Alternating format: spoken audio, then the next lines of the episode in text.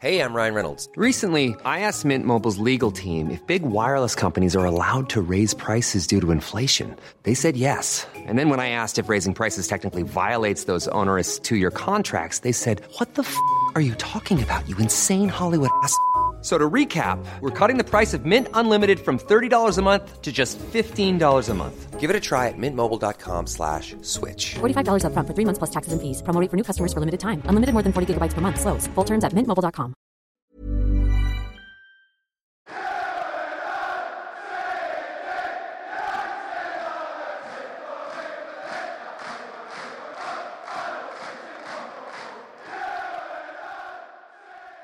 Halo fans kardus, balik lagi di podcast YGMU dan kita tidak mau kembali ke masa lalu, jadi kita lupakan apa yang terjadi pada pertandingan Leeds lawan United.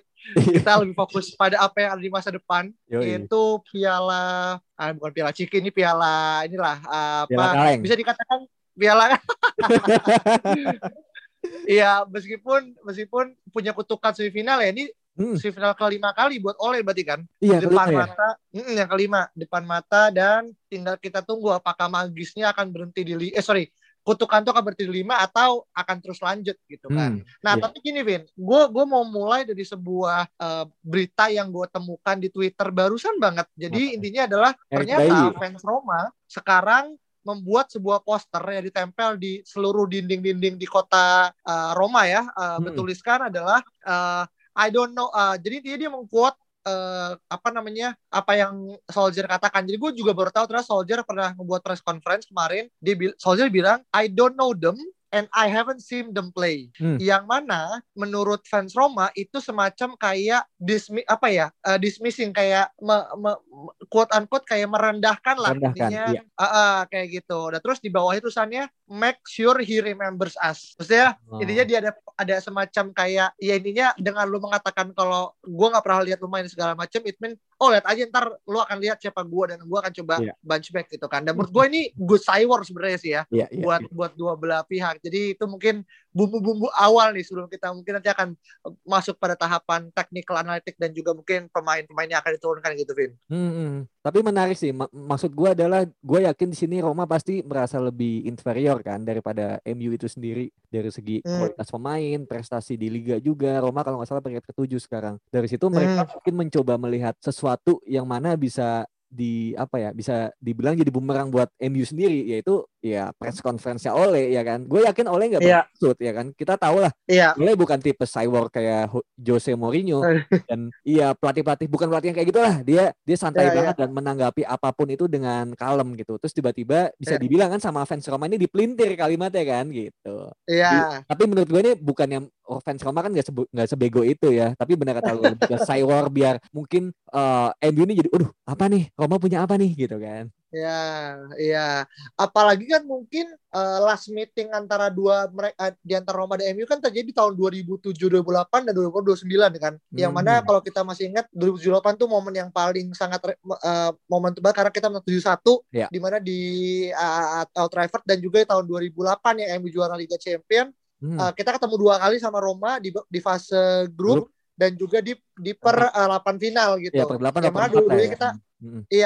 Itu menang tiga kali. Jadi eh, eh sorry, kita menang empat kali di empat leg-nya satu, satu kali seri, tiga kali kita menang gitu kan. Jadi Hmm, mungkin buat Roma ada semacam kayak historical juga sih yang akhirnya ngebuat oh Betul. ya kita ya ada ada memori lah yang perlu kita balaskan juga sih menurut gua kayak gitu sih Vin. Mhm, iya iya. Dan apa ya? Ya Hmm. kalau misalnya sedikit flashback ke yang dulu-dulu gitu, ya pasti kita semua sepakat lah skor 7-1 itu menjadi skor yang sangat memorable buat semua fans MU yang apa ya? Pas leg 1 itu kan sempat kalah ya 2-1 kalau nggak salah di, Iya, 2-1 di benar. Olimpico. Kemudian di leg kedua tiba-tiba boom 7-1. Itu lo nonton gak sih matchnya? Atau Gue nonton lo karena nonton? saat itu karena saat itu Alan Smith bahkan golin kan ya Alan Hmm, Smith yang betul. Gol pemain pertama. yang sama sekali jarang golin dia, dia, dia forward tapi nggak tapi di match itu dia golin jadi menurut gue tuh match yang paling momen ya cukup memorable ya karena seorang Alan Smith yang Dan cuy. kita Andre iya dia kayak golin kan Iya iya iya bener-bener. Michael Carrick syutingnya dua gol dari luar kotak itu keren banget sih. ya iya Hmm. dan itu satu gue kipernya tuh Doni kan Doni, Doni. Doni, iya. Indo banget ya namanya ya. Iya namanya namanya ini banget Alexander Jadi- udah keren namanya Alexander Doni. Kayak gitu. Jadi iya pasti semua gue yakin sih uh, even oh ya Saung pun yang nggak ada saat ini pun pasti sangat paham lah. Gue yakin semua dari kita pasti pernah nonton at least ulangan cuplikan karena menurut gue tuh salah satu uh, pertandingan yang uh, salah tiga ya. Pertama tuh Hmm. uh, match 99, kedua itu naik in Paris, ketiga mungkin naik in Roma sih. Eh sorry naik in apa Manchester pas lawan Roma itu Iya. tiga match yang menurut gue salah satu yang cukup inilah uh, apa Hmm. perlu ditonton sih kayak gitu Betul betul. gitu. Nah, Mas, ntar nih, eh, leg pertama tuh kan di kandangnya MU di Old Trafford. MU, benar di kandang MU, di Ya. Old Trafford gitu kan. Yang mana em, menurut gua, gue yakin eh, Ole nggak akan main-main dengan ini ya, apalagi setelah kemarin kita seri lawan Leeds, Hmm. gue yakin dia pun paham bahwasannya eh, peringkat kedua udah quote unquote udah secure gitu kan dengan eh, apa namanya tim lain yang kemudian ya apa formanya juga mungkin berantakan Liverpool juga seri dan segala macam jadi menurut gue sih peringkat dua sih udah udah on the safe hand lah tapi kalau Hmm. misalnya kita mau masuk ke peringkat pertama menurut gue sulit gitu kan jadi iya iya. memang chance yang open emang tuh di di ya di UEFA League gitu Betul. Gue oleh akan habis-habisan sih karena untuk Hmm. nyelamatin muka dia ya ini jalan ya gitu Iya iya. Dan apa ya gua gua merasa kemarin juga Oleh udah cukup mengistirahatkan beberapa pemain pentingnya kan kayak Cavani dan juga Paul Pogba. Itu mereka baru main di menit 70-an, 75 ke atas. Gue juga satu sisi kesal juga ini buset Oleh ngelepas nih pertandingan lawan Leeds gitu. Tapi satu Hmm. sisi juga kita juga tahu gitu MU ini di semifinal suka sucks gitu kan musim lalu Hmm. lawan Sevilla kan yang harusnya menurut gua harusnya bisa menang gitu dan di sini Hmm, hmm. menurut gua tim-tim yang begini nih yang underdog kayak gini yang harus di diwaspadai gitu. Apalagi depannya kan ada Edin Dzeko kan yang itu peluang kecil apa pun itu bisa dijadiin gol sama dia. Positioningnya bagus banget Dzeko. Gitu sih. Benar, benar. Dan juga kan Zeko tambah pengalaman dia pernah main di City kan, yang Betul, mana ya. hal itu bisa jadi semacam kayak knowledge juga buat buat Roma yang akhirnya akan disebarkan ke tim lainnya gitu. At least Iya, dia paham lah culture-nya apa Manchester kan Ah. gimana dan mungkin menurut gue tuh dia, plus juga buat ya. Roma. Heeh. Apa? cepu dia Iya, dan juga jangan lupakan Smalling ya, itu kan Iya. apalagi itu udah dalam organnya MU sendiri gitu kan. Smalling dan Jadi menurut gua- Mkhitaryan J Oh, bener juga ada tiga berarti kan. Mm, betul betul Jadi iya dan apalagi Mkhitaryan kita pernah juara sama sama mereka sama dia loh iya pas zaman iya Jose Mourinho kan. benar benar Apa dia, benar dia paham betul berarti mental dia kan berarti udah inilah gue yakin Mkhitaryan dari mulai Dortmund sampai di MU dia satu pemain yang gak cuma senior secara caps tapi secara experience pun menurut gue pemain-pemain mereka lah akhirnya bisa memainkan taktik yang secara nggak hanya men, nggak hanya fisikal tapi mental pun akan bermain juga sih menurut gue Hmm, sih. Benar-benar. Kalau Mkhitaryan sangat mungkin main, tapi kalau Smalling kayaknya out of uh, squad gitu deh. Gua lagi mencoba lihat nih squad-squad uh, di beberapa match terakhir, kayaknya dia emang nggak pernah main gitu loh. Gua gua nggak paham ya dia ke mana si Chris Smalling. Tapi ya oke lah nggak penting juga kali ya. Biasa tuh backnya Iya, dia iya, tuh uh, ada Mancini, Ibanez, ya dua itu sama Juan Jesus. Mhm. Itu aja sih. Gua gue juga nggak terlalu paham sih sama skuadnya Roma gitu. Gue cuma lebih paham di apa bagian depannya doang kan. Ada Pellegrini, Mkhitaryan, sama Zeko. Itu aja sih yang gue paham Roma. Benar. Mhm. Dan juga kalau kita bicara masalah form, eh, kemarin Roma tuh baru kalah 3-2 lawan Cagliari kan. Hmm, Meskipun oh iya mainnya di benar. kandang ya. Cuma menurut gua eh, bukannya kita gue bilang MU kemarin lawan Leeds kemudian pun akhirnya seri juga segala. Cuman momen momentumnya kalau misalnya MU ingin kemudian membalaskan sekarang tepat karena kita formnya dari yang seri gitu. Sedangkan mereka dari yang kalah gitu loh. Hmm. Dan dan menurut gua kita pasti akan membaca lah permainan Roma Cagliari. Kalau soal Cagliari Roma kemarin kan itu bisa jadi salah satu eh, ini juga. Paling nggak secara mood mereka Iya. sedang eh, inilah underperform gitu kan. eh, by the way, posisi. Gue lagi Hmm. lihat match yang Cagliari lawan Roma, ternyata Smalling main cuy di situ. Oh Jadi main. Smalling, Smalling main kalah anjing. Anjir. Ya. Eh jadi umur gue sih dan dan tadi gue juga sempat sore sempat nonton videonya Justin ya, uh, coach Hmm. Justin. Intinya dia sih bilang bahkan dia dia bilang kayak sebenarnya salah satu hal yang kemudian harus ditakutkan fans MU adalah ya mentalitas MU ini di dan uh, di di di semifinal gitu karena Ya. secara di atas kertas, secara squad, depth squad, uh, star segala macam di antara tiga uh, tim lainnya ya kita di atas kertas sudah paling unggul gitu loh Benar, benar. secara valuasi pemain, secara uh, taktikal segala macam, dia pun bilang secara jujur kalau ya MU punya kans gitu bahkan antara Liverpool sorry antara Arsenal dan juga uh, Villarreal dibilang ketika Villarreal kemudian menggunakan cara main kepada Barca Hmm. ya Arsenal pun suatu saya akan akan cukup sulit mengimbangi ya cuma Iya, adalah iya. kita sudah punya potensi untuk menang hanya saja kadang kan ah, ya ada hal magis ya kalau dalam Iya. bola kan yang kadang Mm. yang itu tidak bisa di dikalkulasikan secara di atas kertas gitu sih Hmm. yang jadi gue takutkan kayak gitu Betul betul benar. Ya gua pokoknya kalau misalnya kita merasa sangat unggul gitu kan dari segi pemain ya kita ingat match musim lalu aja lah lawan Sevilla gimana gitu kan. Itu sih yang gua pada akhirnya kesel gitu kayak Sevilla nih mainnya Ya. sebenarnya kita bisa bisa menang cuma kenapa sih ada hal-hal kayak apa ya non teknis lah yang kelihatannya gitu pada akhirnya nggak bisa menang sampai akhirnya gol-gol Iya. yang di menit akhir tuh si siapa Luke De Jong kan Gol Luke De Jong. lawan Bisaka miskomunikasi kayak gitu kayak anjir Iya. ini bukan taktik lagi nih emang udah aduh udah nggak tahu lah gitu. Iya, nah itu dia kan yang di- ditakutkan gitu karena menurut gua gini ya, gua pribadi sebagai fans bola, gua tuh lebih takut kalau tim gua tuh main di kandang dulu ketimbang ditandang dulu, Vin. Hmm, Karena gua iya. dengan lu main di kandang dulu means lu akhirnya harus nge-push dari awal gitu. Lu harus kemudian harus mau nggak mau menang tuh harus harga mati gitu. Iya, iya. Sedangkan kalau lu main di tandang, lu bisa kemudian sedikit banyak akhirnya cukup main defensif untuk kemudian meredam apa namanya uh, pola offense lawan. Paling enggak ketika lu nanti bawa pulang ke rumah, lu bisa pulang dengan kosong-kosong gitu minimal ya gitu atau Hmm, kalah satu iya, kosong iya. jadi di itu udah lu bisa ini tapi kalau di awal tuh pressure sangat tinggi ya kalau gue bayangin kalau kita menang dua satu aja di rumah kita kalah satu kosong kita kalah gitu kan Iya, iya, setuju, setuju. Iya kan jadi Iya, iya, jadi iya. hal-hal kayak gini yang akhirnya intinya tidak kejebolan sih menurut gue tuh udah udah poin lah kalau main di kandang karena kalau udah Hmm. kejebolan tuh udah kayak ntar kayak PSG lawan MU pas di leg pertama kan yang kita kalah Aduh, bete. Itu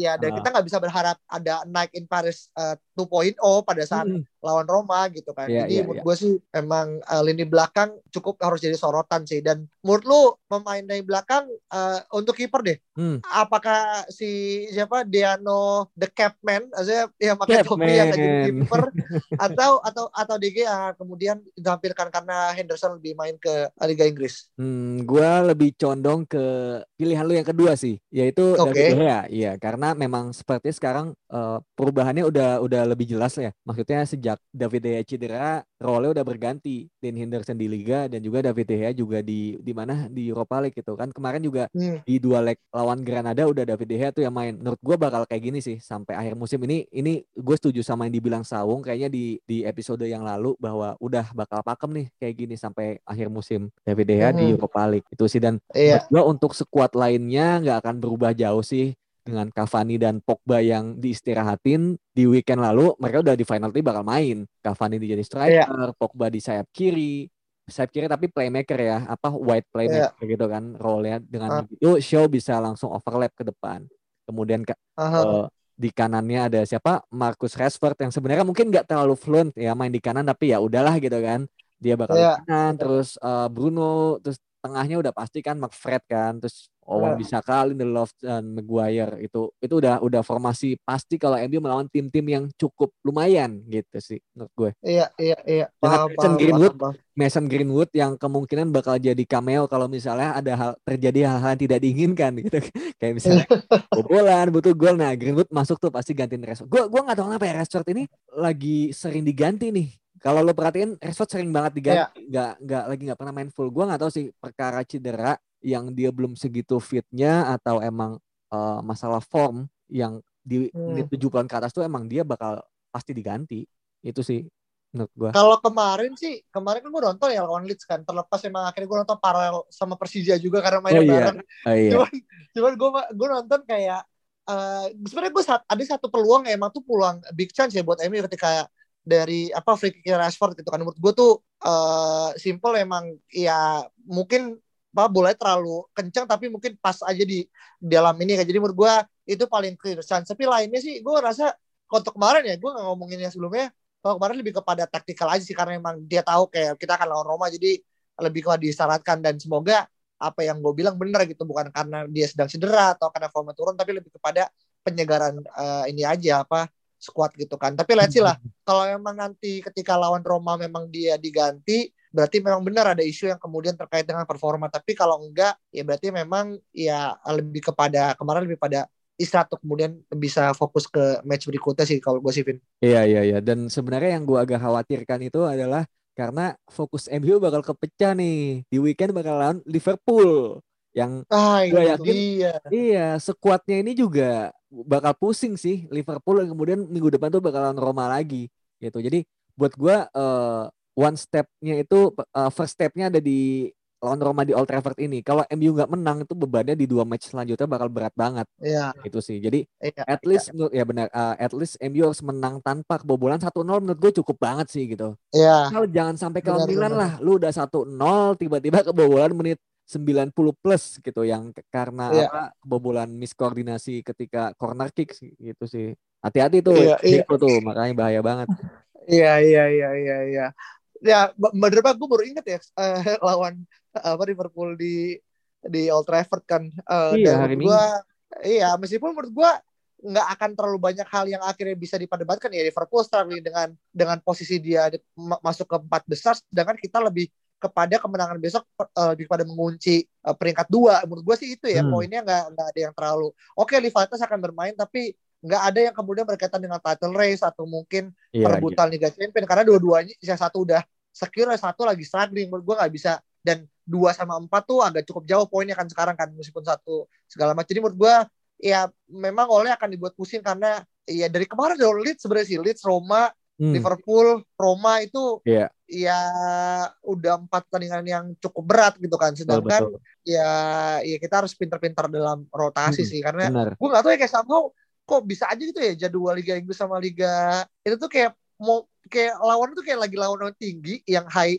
high frequent Iya. tapi dini juga lagi tinggi juga gitu Iya iya iya iya. kok bisa bisa se se algoritmanya kok se sepintar itu gitu apa Hmm. dia pakai machine learning kali ya ketika pengujian ini anjir gue pikir gitu loh kadang Iya. Tapi ya ya pada intinya gua gua eh, feeling gue sih Oleh bakal lebih fokus di Roma sih. Ya kita ngelihat kemarin di Leeds kayak gitu diistirahatin dua dua pemain penting kemudian sekarang Roma dan kayaknya benar sih gue setuju sama lu sih lawan Liverpool nanti nggak akan terlalu apa ya buat gue lawan Liverpool bakal ada rotasi Cavani nggak bakal main menurut gue ya. Ya. Bakal kayak Greenwood yang main Rashford di kanan kiri Pogba tetap ini ini ini sedikit jumping lawan Liverpool ya maksudnya untuk melihat gimana MU segitu seriusnya untuk lawan Roma gitu loh dibanding lawan Liverpool Iya. sendiri gitu main-main pentingnya bakal Mm-mm. istirahatin menurut gue lawan Liverpool pasti pasti Hmm. dan dan gue yakin emang pada pertandingan hari Minggu pun yang emang lebih ngotot akan Liverpool ya karena dari kita pun kita nggak ada segini ya emang mungkin balik lagi ini masalahnya bukan masalah uh, menang atau kalah tapi ini masalah rivalitas kan kadang ya untungnya gue ngerasa untungnya nggak ada fans ya jadi mungkin secara tekanan mereka ya akan bermain seperti biasa aja gitu cuman kalau Hmm, misalnya ada hmm. fans mungkin bisa beda ya ceritanya kan karena kan itu kan menjadi salah satu faktor yang cukup menentukan kan home away. kenapa home away itu kan pentingnya kan ada fans kan karena kalau nggak ada iya. fans menurut gue lu main di tempat netral pun satu leg langsung main aja langsung nggak perlu ada kalau iya nggak ada home away menurut gue apa fungsinya home away gitu Hmm, kalau nggak hmm. ada fans ya terlepas mungkin ada traveling segala ya? macam gitu Hmm, kan hmm. iya travelingnya Iya, kan gitu capek kan. kan. Eh, eh, gitu jadi ya eh, ya sih gue ngerasa memang lawan Liverpool lebih kepada match yang akan sembari apa ya gue nggak bilang penyegaran tapi lebih kepada rotasi supaya karena jarak meskipun jarak antara Liverpool nanti ke Roma agak cukup jauh ya kan kita main di hari Minggu ketemu Roma lagi kan di hari Jumat kan betul jadi sih Nah, ya nah. mungkin ya ya akan kembali seperti eh, satu minggu week off ya tapi menurut gue sih Hmm, hmm. jarak besok ke Roma nih yang akan benar sangat mepet Roma ke Liverpool. Roma ke Liverpool maksudnya ya? Oh sorry, Roma ke Liverpool ya yang cuma jeda eh, satu dua dua hari doang gitu kan. Iya, dua atau tiga hari dan Liverpool juga uh, free banget kan, dia nggak ada match lain. Eh ya, Aduh. udah nggak ada yang lain gitu. Iya, iya. Dan gue yakin dan kemarin gue sempat ngobrol sama Agi juga. Eh, by the way Agi adalah fans Liverpool teman kita. Dia bilang kayak ya dia akan looking pada pertandingan MU ini sih. Karena ya menurut dia udah ya dia mau, mau menyalahkan salah yang kemarin udah hampir menjanjikan peluang banyak ya udah terjadi gitu kan dan dia dia looking forward ke yang lain dan emang targetnya Liverpool ya mengunci kemenangan untuk di Old Trafford kalau enggak ya jaraknya semakin jauh sih menurut gue sih Iya, iya. even kalau seri pun itu rugi di Liverpool menurut gue ya bukan rugi di MU Iya sih, iya iya iya. iya kan gitu Ya apa ya? sih. Gua gua ngeliat Liverpool ini juga kayak buset lawan Newcastle aja kayak gitu. Kayak mereka bagus di 30 menit pertama, tapi setelah setelah itu ya udah mereka nggak bisa golin lagi. Padahal peluang tuh banyak banget. Makanya gue sempat mention ini tuh mirip lah sama pertandingan lawan West Brom yang udah 1-0 dikurung tuh ya West Bromnya kalau kata Agi tuh parkir pesawat lagi tuh udah bukan parkir bis tuh dia parkir Eh. pesawat tapi terus tiba-tiba di babak kedua terutama di menit 70-an ke atas itu mereka dapat beberapa peluang yang untungnya bisa dikonversi jadi satu gol itu sueknya Liverpool Iya. gitu. itu sih kocak. Iya, iya karena memang salah satu disadvantage dari bermain menyerang dengan ala menggempur apa namanya parkir pesawat lagi ya bolong di lini belakang kadang kan lu menggunakan high defense kan maksudnya ya pemain depan dan pemain tengah belakang kan naik gitu kan ketika serangan balik termuncul ya expected goalnya akan sangat tinggi karena pemain lu akan akan belum siap untuk mundur sedangkan pemain lawan udah maju gitu loh Nah Hmm, ini yang iya. akhirnya buat buat ya ya buat Liverpool kemarin emang akan ya terjadi juga kemarin pas lawan Newcastle gitu. Jadi menurut gue emang simple unlucky sih buat Hmm. Liverpool kemarin tapi ya jadi advantage karena jadi seru karena kan jadi yang nggak cuman oke peringkat satu kita dulu lupakan lah gitu kan kayak forget City kayak orang sekarang lagi fokus pada ya peringkat liga sekarang eh, Liga TM Barca dan Madrid sama peringkat perebutan 3 dan 4-nya di Liga Inggris yang menurut gue sangat-sangat ketat banget ada Chelsea, Liverpool, terus juga West Ham, Hmm. Leicester gitu kan. Iya, iya, iya. Eh, dan Ars ya Arsenal gue gak tahu dia masih punya atau enggak cuma gue ya makanya di, oh iya bahkan Arsenal dibawa di 10 gak sih sekarang sih 10 10 di bawah Leeds 10 bahkan. jauh jauh Iya, jauh jauh, jauh, banget. jauh jauh kayak gitu jadi ya memang empat tim itulah paling enggak yang akan terus-terusan pepet-pepetan yang untungnya kemarin Chelsea menang kan lawan West Ham kan Menang, jadi menang. Nah, itu yang akhirnya jaraknya agak cukup di eh, cut the gap kayak gitu. Tapi Iya, ya menurut gue sih tetap inilah tetap terbuka sampai sampai game week ke-38 menurut gue baru ditentukan sih karena poin mereka sangat-sangat tipis kecuali Iya. emang ada dua sampai tiga kali apa kons- konsekutif loss dari salah satu tim ya mungkin gue tuh udah lebay tapi kalau nggak mereka masih eh, fluktuatif menurut gue sangat sampai akhir baru bisa ditentukan Iya iya. Tapi eh, yang menarik juga, gue gue pengen ke pertandingan Leeds kemarin sih sedikit gitu. Jadi Hmm. sebenarnya gue udah tahu si, si siapa MU bakal mainnya dengan perma, eh, dengan pemain-pemain yang seperti itu gitu. Gue udah tahu gitu. Tapi masalahnya yang mungkin gue dan banyak fans MU juga nggak nyangka adalah permainannya Leeds. Mereka tuh main udah nggak kayak pas di Old Trafford, udah nggak gila-gilaan pressing, nggak gila-gilaan highline defense, tapi mereka mid block gitu, nggak low block, nggak nggak lagi yang bertahan parkir bis banget, tapi mid block gitu. Dan itu menyulitkan MU, benar-benar setiap MU pegang bola di press, pegang bola di press satu orang gitu. Jadi pada akhirnya MU harus pegang bola gitu. Kan beda sama pas di Old Trafford kemarin kan, Leeds pegang bola, kita press sama MU di press terus counter attack di belakangnya Leeds bolong gitu kan. Gampang pada akhirnya McTominay golin dua gol di 10 menit pertama kan gitu. Tapi kemarin tuh Leeds hati-hati banget mainnya. Itulah yang pada akhirnya gue yakin Oleh juga nggak akan nyangka skornya bakal 0-0. Itu juga sih menurut gue yang pada akhirnya membuat core-nya kacamata kemarin dan akhirnya baru masukin Pogba dan Cavani menit akhir gitu. Tapi ya oke lah gitu kan. Gue juga sebenarnya nggak tahu nih Roma mainnya kayak gimana.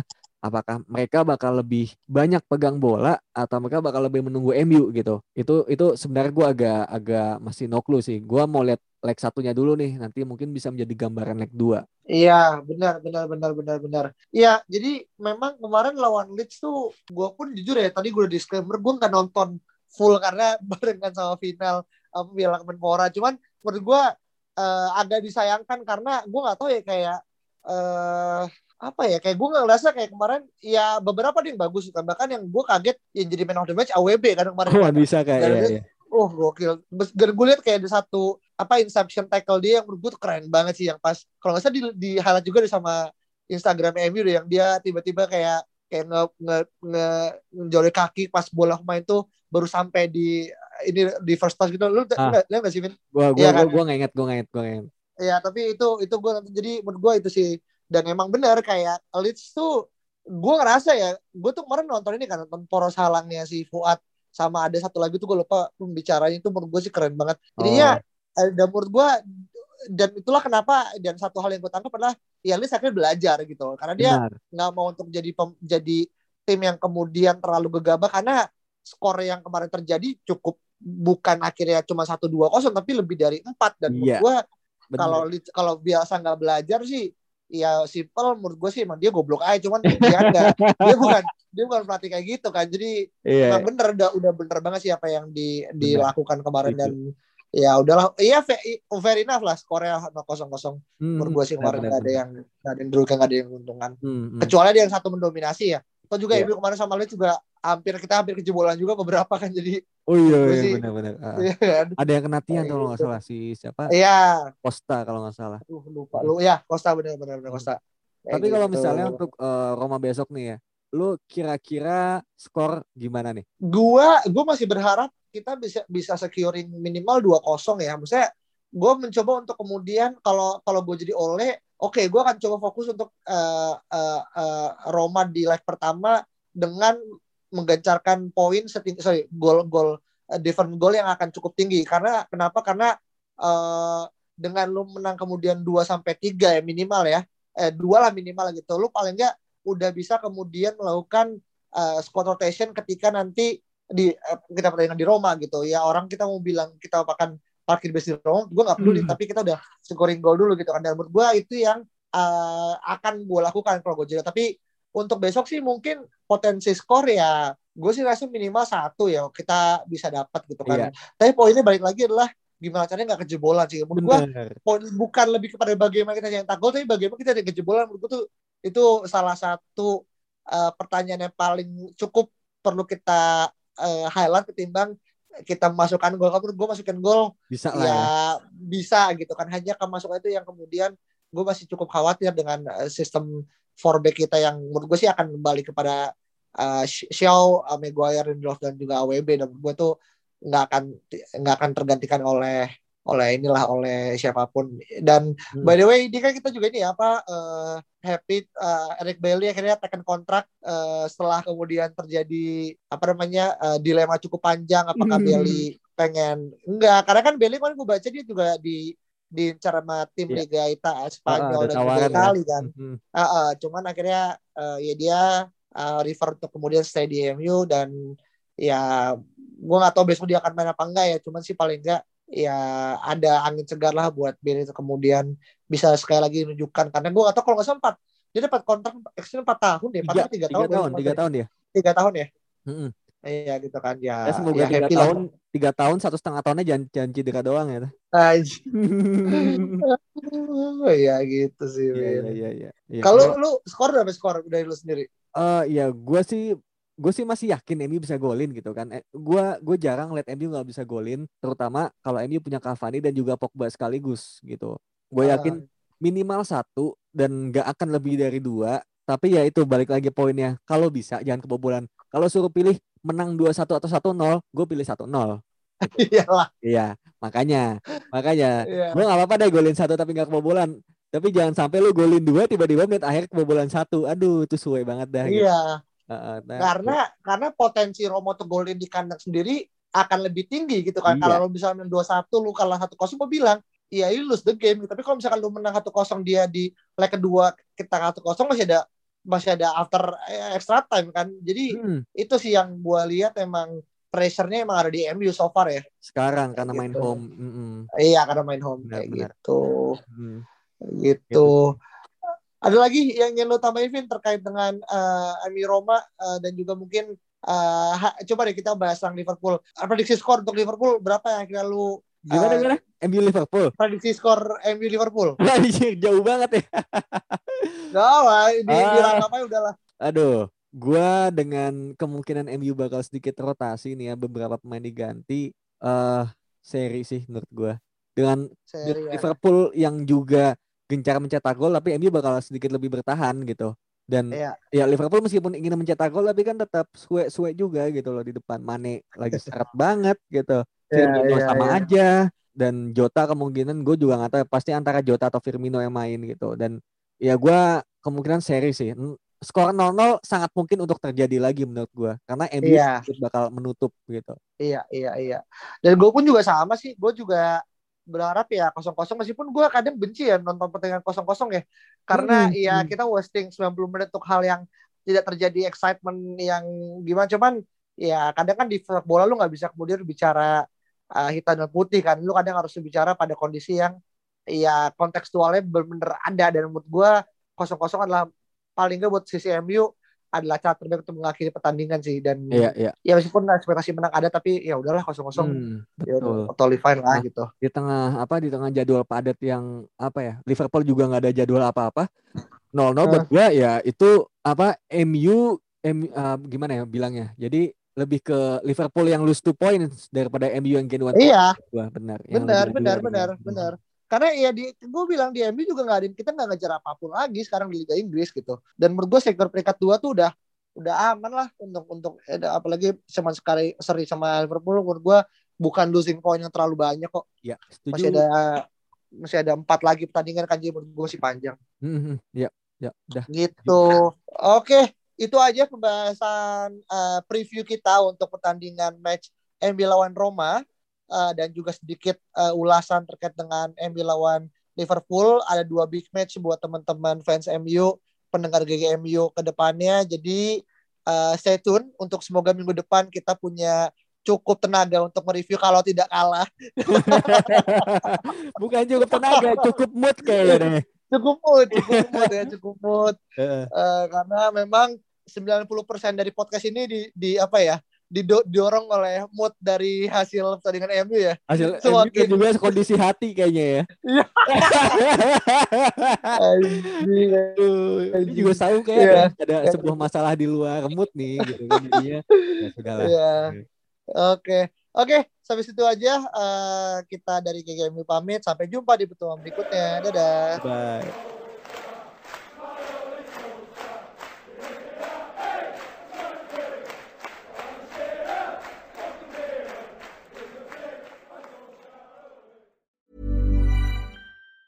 Mom deserves the best, and there's no better place to shop for Mother's Day than Whole Foods Market. They're your destination for unbeatable savings, from premium gifts to show-stopping flowers and irresistible desserts. Start by saving 33% with Prime on all body care and candles. Then get a 15-stem bunch of tulips for just $9.99 each with Prime. Round out Mom's menu with festive rosé, irresistible berry chantilly cake, and more special treats. Come celebrate Mother's Day at Whole Foods Market.